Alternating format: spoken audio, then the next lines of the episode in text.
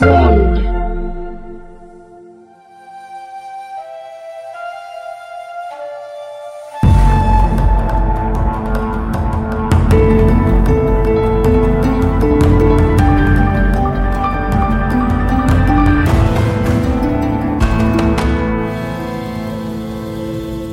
can var canında. O canı ara. Beden dağındaki gizli mücevheri ara. Ey yürüyüp giden dost. Bütün gücünle ara. Ama dışarıda değil. Aradığını kendinde ara. Wand Media Network Emirgen Stüdyosu'ndan hepinize merhaba. Bugün yine hep birlikteyiz. Sinan, Fırat ve Eray. Hoş geldiniz arkadaşlar. Hoş bulduk, merhabalar. Hoş bulduk Işıl'cığım. Merhabalar. Öncelikle sormak istiyorum. Az önce bana okuttuğunuz, sesim anda. güzel diye bana okuttuğunuz. Son anda elimi tutuşturdunuz.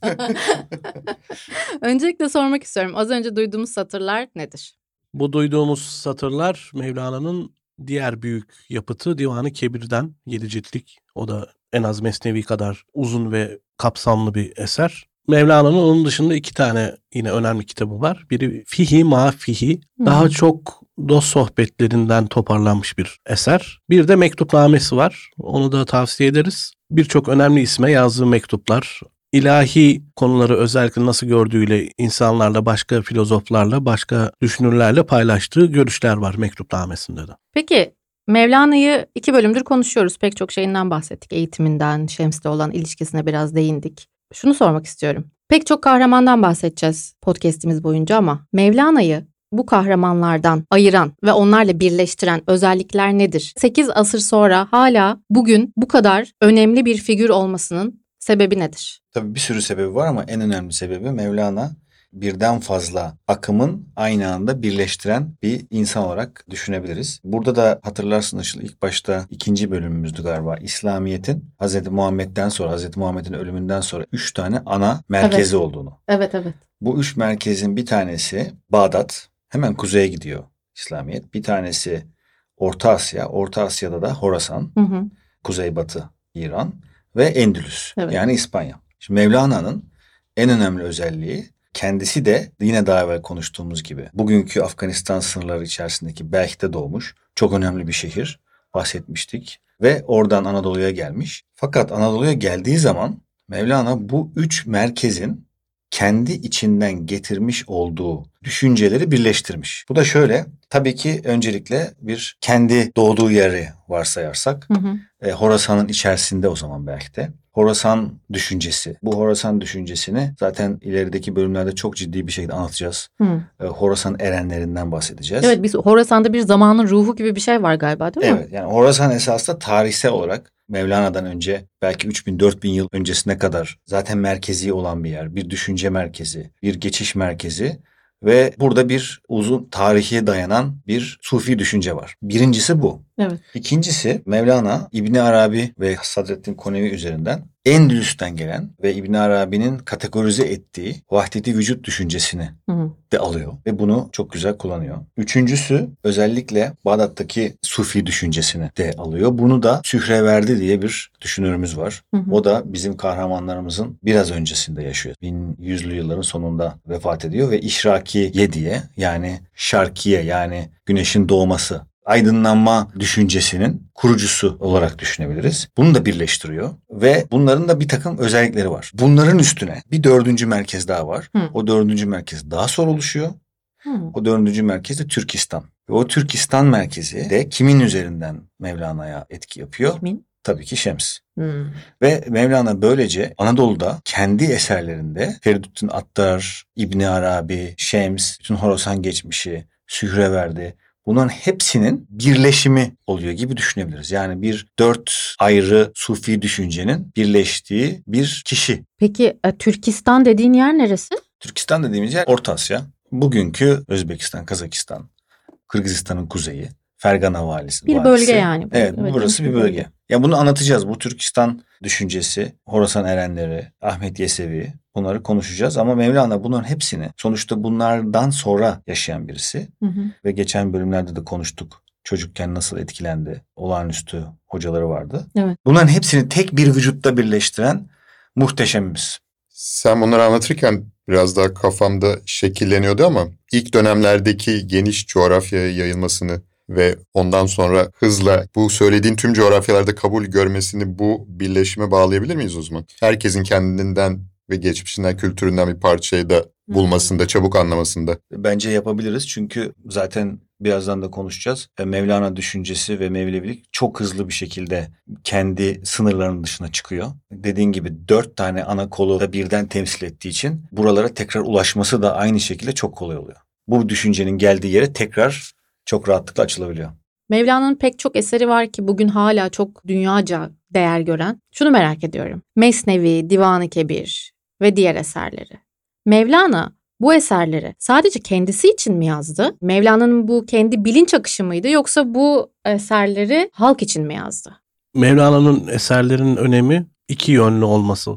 Bir tabii bir bilinç akışı var. Bir önceki programımızda da belirttiğimiz gibi kendi kendine konuşuyor neredeyse ya da işte kendi içindeki arayışı aktarıyor ama aynı zamanda bütün dünya içinde hani programın geri kalanında konuşacağız. Bütün dünya içinde çok önemli şeyler söylüyor. Aslında içe doğru bir konuşma ama herkesin anlayabileceğini, herkesin deneyimleyebileceğini, herkesin yaşayabileceğini, kendi o içsel yolculuğu içinde yaşayabileceği eserler bütünü bir külliyat oluşturuyor. Sırrı bir bilinç akışını herkesin anlayabileceği şekilde dile getirmiş olması. Eray'ın bahsettiği o dört ayrı geleneği çok farklı edebiyat tarzlarıyla da süsleyerek işte Fars edebiyatı, daha önceden gelen işte fable'lar hani hayvanların üzerinden başka simgelerin üzerinden sembollerin üzerinden anlatma tarzını da benimsediği için bütün dünyanın anlayabileceği birazdan bahsedeceğiz Eray'ın dediği gibi çok hızlı yayılma ve şu anda dünyanın dört bir tarafında da alıntılar yapılıp onlara da mesajlar verebilen olağanüstü bir insan. Mevlana'nın tarzına bakınca akademik akademik bir tarz görmüyoruz. Bütün yazıları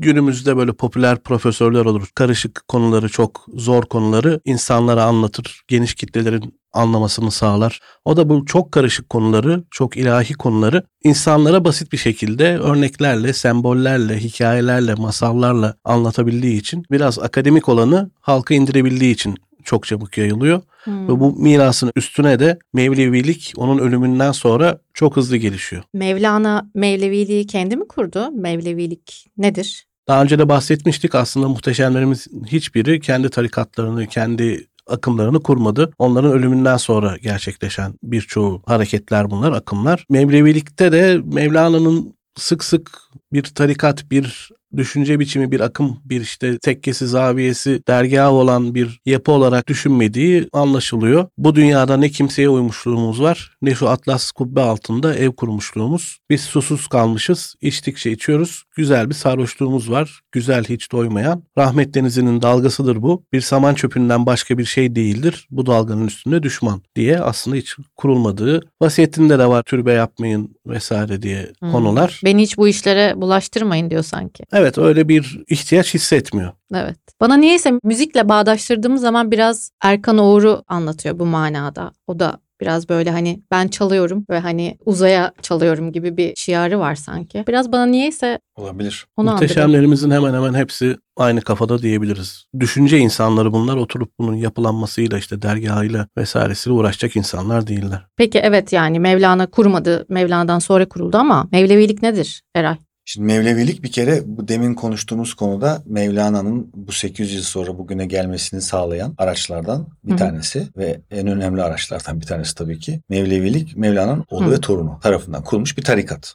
Hı-hı. Belirli kuralları olan, belirli bir yapısı olan, bir kendi içinde örgütlenme şekli olan bir tarikat. Hı hı. O yüzden de hiyerarşik düzen. Aynı zamanda da tabii bir hiyerarşisi var içeride. E, bu açıdan bakarsak bunun bir yerleşik bir düzen içinde yaşayan bir tarikat olduğunu düşünürsek zaten Mevlevilik ilk başta geçen bölümlerde de konuştuğumuz gibi Mevlana'nın ve babasının devletlerle olan çok yakın ilişkisi. Yani Belh'te de saraydalardı, Konya'da da saraydalar. Evet. O yüzden de esasında Mevlevilik merkezi güce çok yakın bir tarikat olarak kuruluyor. Nasıl kuruluyor? Burada tabii bu tarikat ne iş yapıyor yani? Sonuçta bir siyasi tarikat değil ama Mevlevilik insana, Mevlevi olanlara Mevlana'nın düşüncesini başta senin çok güzel bahsettiğin beyitteki hani kendinde ara hı hı. düşüncesini bunu sadece Aa işte ara bulabilirsen bul şeklinde bir öğüt olarak değil hayata geçirme yöntemlerini de anlatan ve bu yöntemleri de temel olarak müzikle ve semahla Evet. ortaya koyan, aynı zamanda bir nefs terbiyesi sağlayan bir örgüt. Hem bir inanç örgütü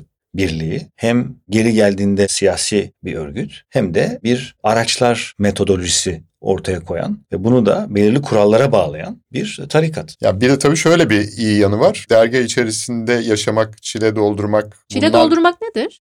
belli bir süre orada kalıp belli kurallardan ve belli yani işte mutfak bulaşık yıkamaktan başlayıp yukarıya gelerek kendi Evet. nefsini törpülediğin aşamalar var. Hı hı. Ama bunlar olmasan bile orada yaşıyor olmasan bile onların gidip dinlediklerini o müziği ve hepsini hayatına uygulayıp Hı hı. bu büyük ölmeden ölme yolunda adım atabilme imkanı veriyor. O yüzden biraz daha yaygın olmaya Hı. müsait. Bu arada Çile Mevlevilikte bin bir gün. Demek. Hayır değil. E, bin bir gün ama Çile Farsça 40'tan geliyor. Ha. 40 demek. Yani çile çekmek 40 Ha, bir, gün. e, çile bin bir gün sürüyor ama kelime anlamı 40 gün. Yani 40 Hmm. esasında bizim kültürümüzde de var biliyorsun. Bir sürü kültürde var. 40 bir süre, evet. bir periyot Bir esasında. kırkı çıkma şeyi var Evet, yani 40'ı bebeklerde, ölülerde. Her şeyde işte 40 yıl hatırı vardır. Hı hı. 40 harami vardır filan. Evet. 40'lar eli var bizde. Kahvenin hatırı olan Ee, kırk. yani 41 süreç, bir periyot. Bu periyot bazen çok uzun olabilir. 40 yıl olabilir. Bazen 40 hafta olabilir. Mesela çocukların anne karnındaki e, doğum zamanı gibi.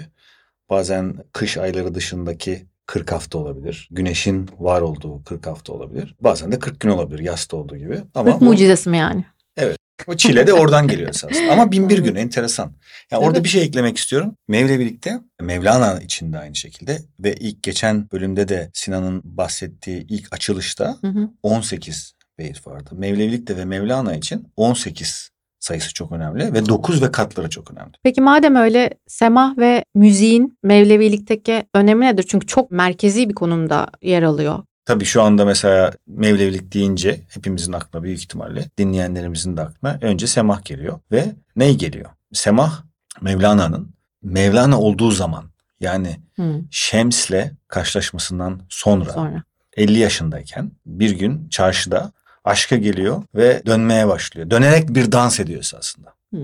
Dönerek edilen dans tabii ki Mevlana'nın çok önce var. Bugünkü bir takım çok popüler danslarla da ilişkisi var. Flamenco ile özellikle onu da anlatacağız. Evet. Böyle başlıyor fakat bizim bugün işte dışarıdan bakarak gördüğümüz semahtaki Mevlevi dervişlerinin dönüşü gibi bir dönüş değil. Hı. O dönüş ve kurallar oğlu tarafından getiriliyor. Semahı şu anda detaya girmeyelim. Çünkü zaten ayrıca anlatacağız.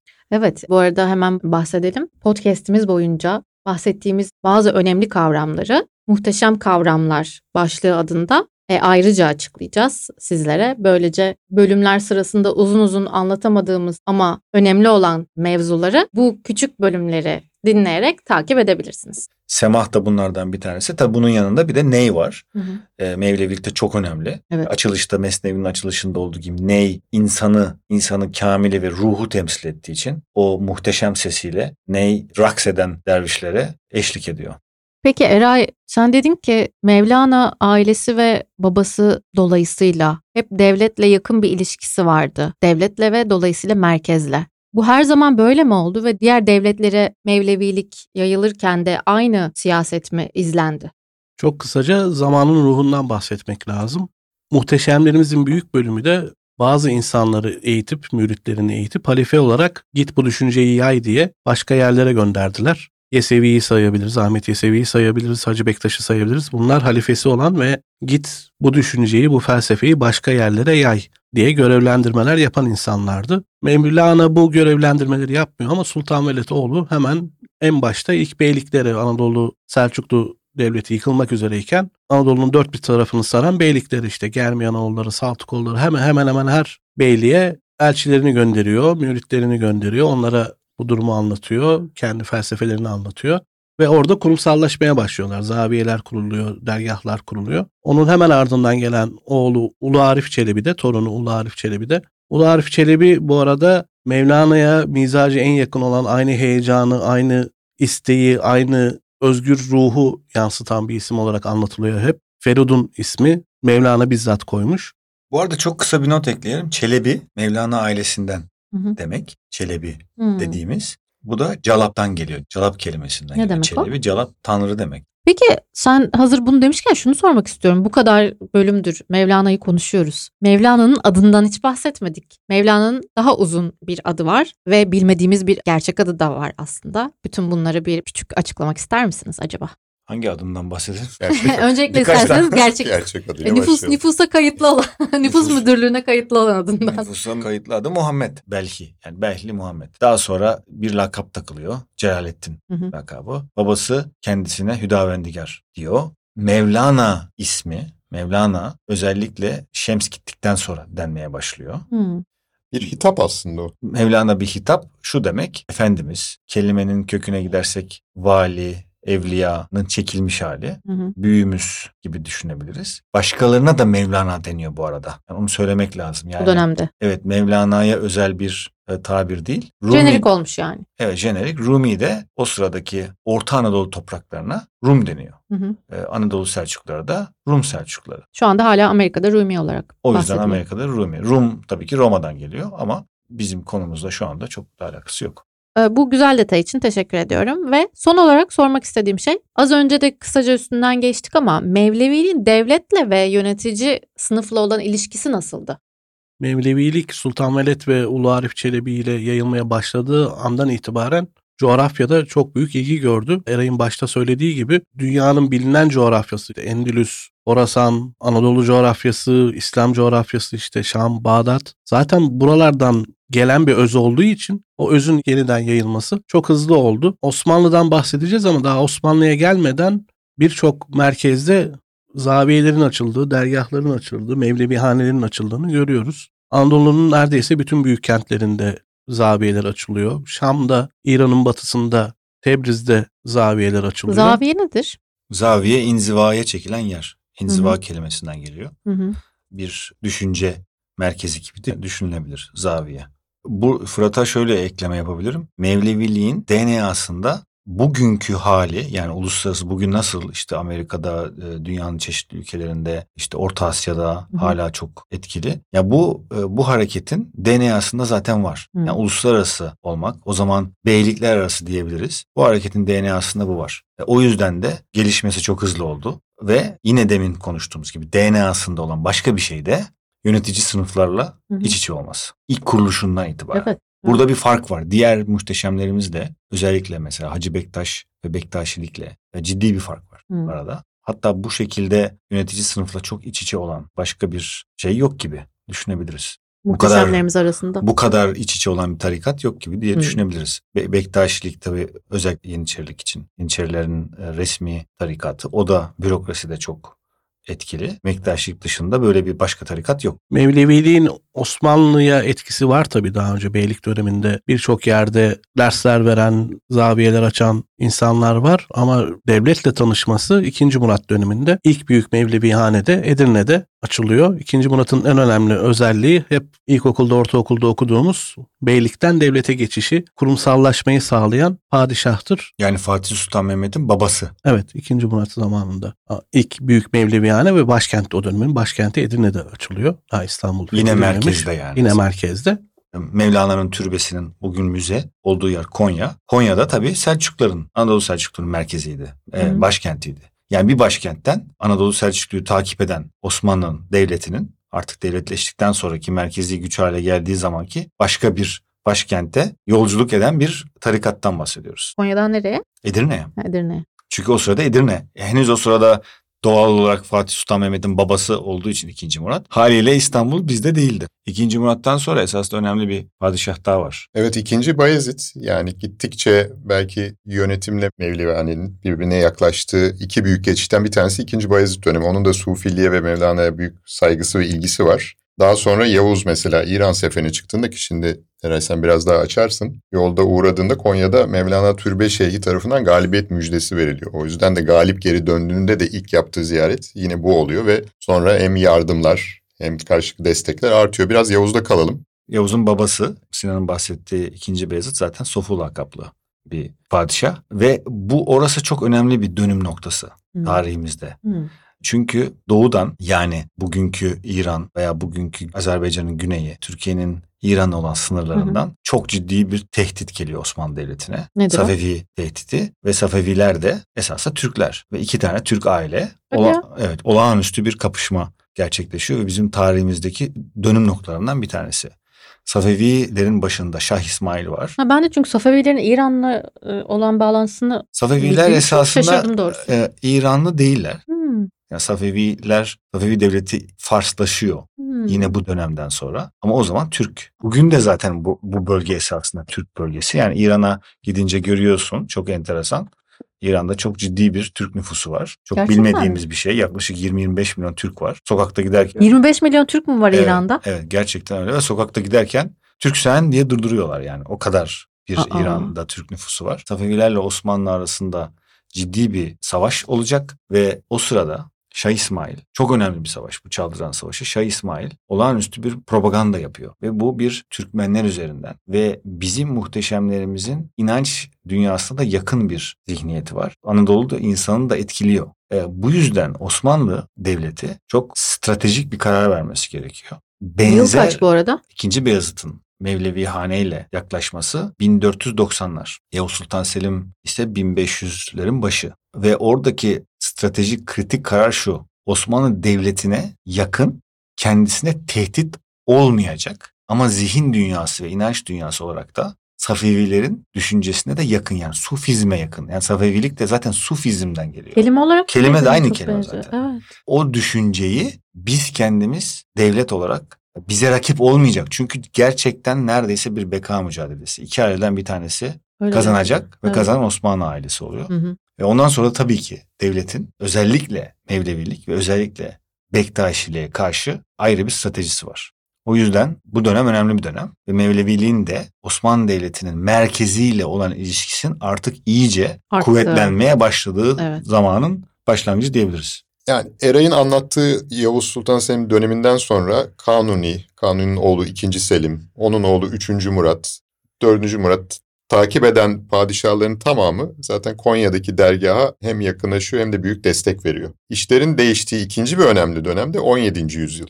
Artık yönetimle iyice yakınlaşan Mevleviler buna karşın Kadızadelilerin başlattığı bir hareketin sonucunda 1666'da tüm ayinleriyle yasaklandığı bir döneme giriyorlar. Bu dönemde yaklaşık 18 yıl sürüyor Hı. ve 1684-85 gibi tekrar eski faaliyetlerine dönebiliyor. İşte bu 17. yüzyıl ve sonu ve bu artık orada çok güçlenen Yeni Kapı e, Mevliyahanesi'yle siyaset ve Mevlevilik daha fazla iç içe geçmiş oluyor. Hatta Gölpınar'ın lafıyla artık Mevlevilik siyasi bir kurum haline geldiği dönem oluyor 17. yüzyılın sonu. Bundan sonra Neden yasaklanıyor? Hepimizin bildiği Osmanlı'nın duraklama ve gerileme dönemi var. 16. 17. yüzyıldan itibaren bu gerileme dönemi devam ediyor. Hem ekonomi hem işte fetihler duraksıyor. Ve bu özellikle İstanbul'da padişahlar da İstanbul'a sıkışıp kaldığı için kafes sistemiyle özellikle sarayda etkin bazı hocalar, bazı insanlar yönetim üzerinde daha etkili olmaya başlıyor. Hı hı. Tabii o hocaların etkili olmasının yollarından biri de halka yayılmış diğer düşünce sistemlerin işte Mevlevi Hanelik, Bektaşilik sarayın dışında bırakması Hı. ve bu nüfus güçlerini kullanarak işte saraydaki nüfus güçlerini kullanarak 4-5 padişah boyunca nüfus güçlerini kullanarak diğer akımları yok etmeye çalışıyorlar. Son dönemde yaşadık işte IŞİD, Selefi yaklaşım. Hz. Muhammed'in döneminde olmayan, peygamberin döneminde olmayan her şey yasaktır, günahtır, gereksizdir diye bakılıyor. İşte kaşık kullanımından işte müzik zaten onlar için çok ters bir olgu. Böyle bir temizleme çabası diyelim Osmanlı'yı kendi kafalarına göre padişahları da güçleri altına aldığı için bir dönem geçiyor. Ondan sonra padişahlar da bundan sıkılıyor. Çünkü padişah karışmaya başlıyorlar ve onların dönemi de 1700'lerin başına doğru bitiyor. Kapanmış oluyor.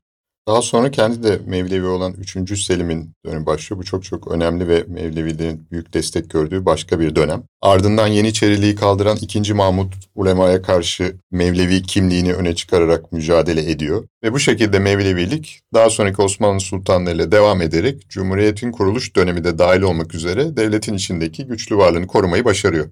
Çok güzel. O zaman güzel bir yerde bırakıyoruz arkadaşlar. Bir sonraki bölümde Mevleviliğin bugüne yansımalarını, Mevleviliğin Amerika ile olan bağlantısını ve son olarak popüler kültüre olan yansımalarından bahsedeceğiz. Hepinize çok teşekkür ederim. Bir sonraki bölümde görüşmek üzere. Çok teşekkürler Işıl. Teşekkürler Işıl. Görüşmek üzere. Görüşmek üzere.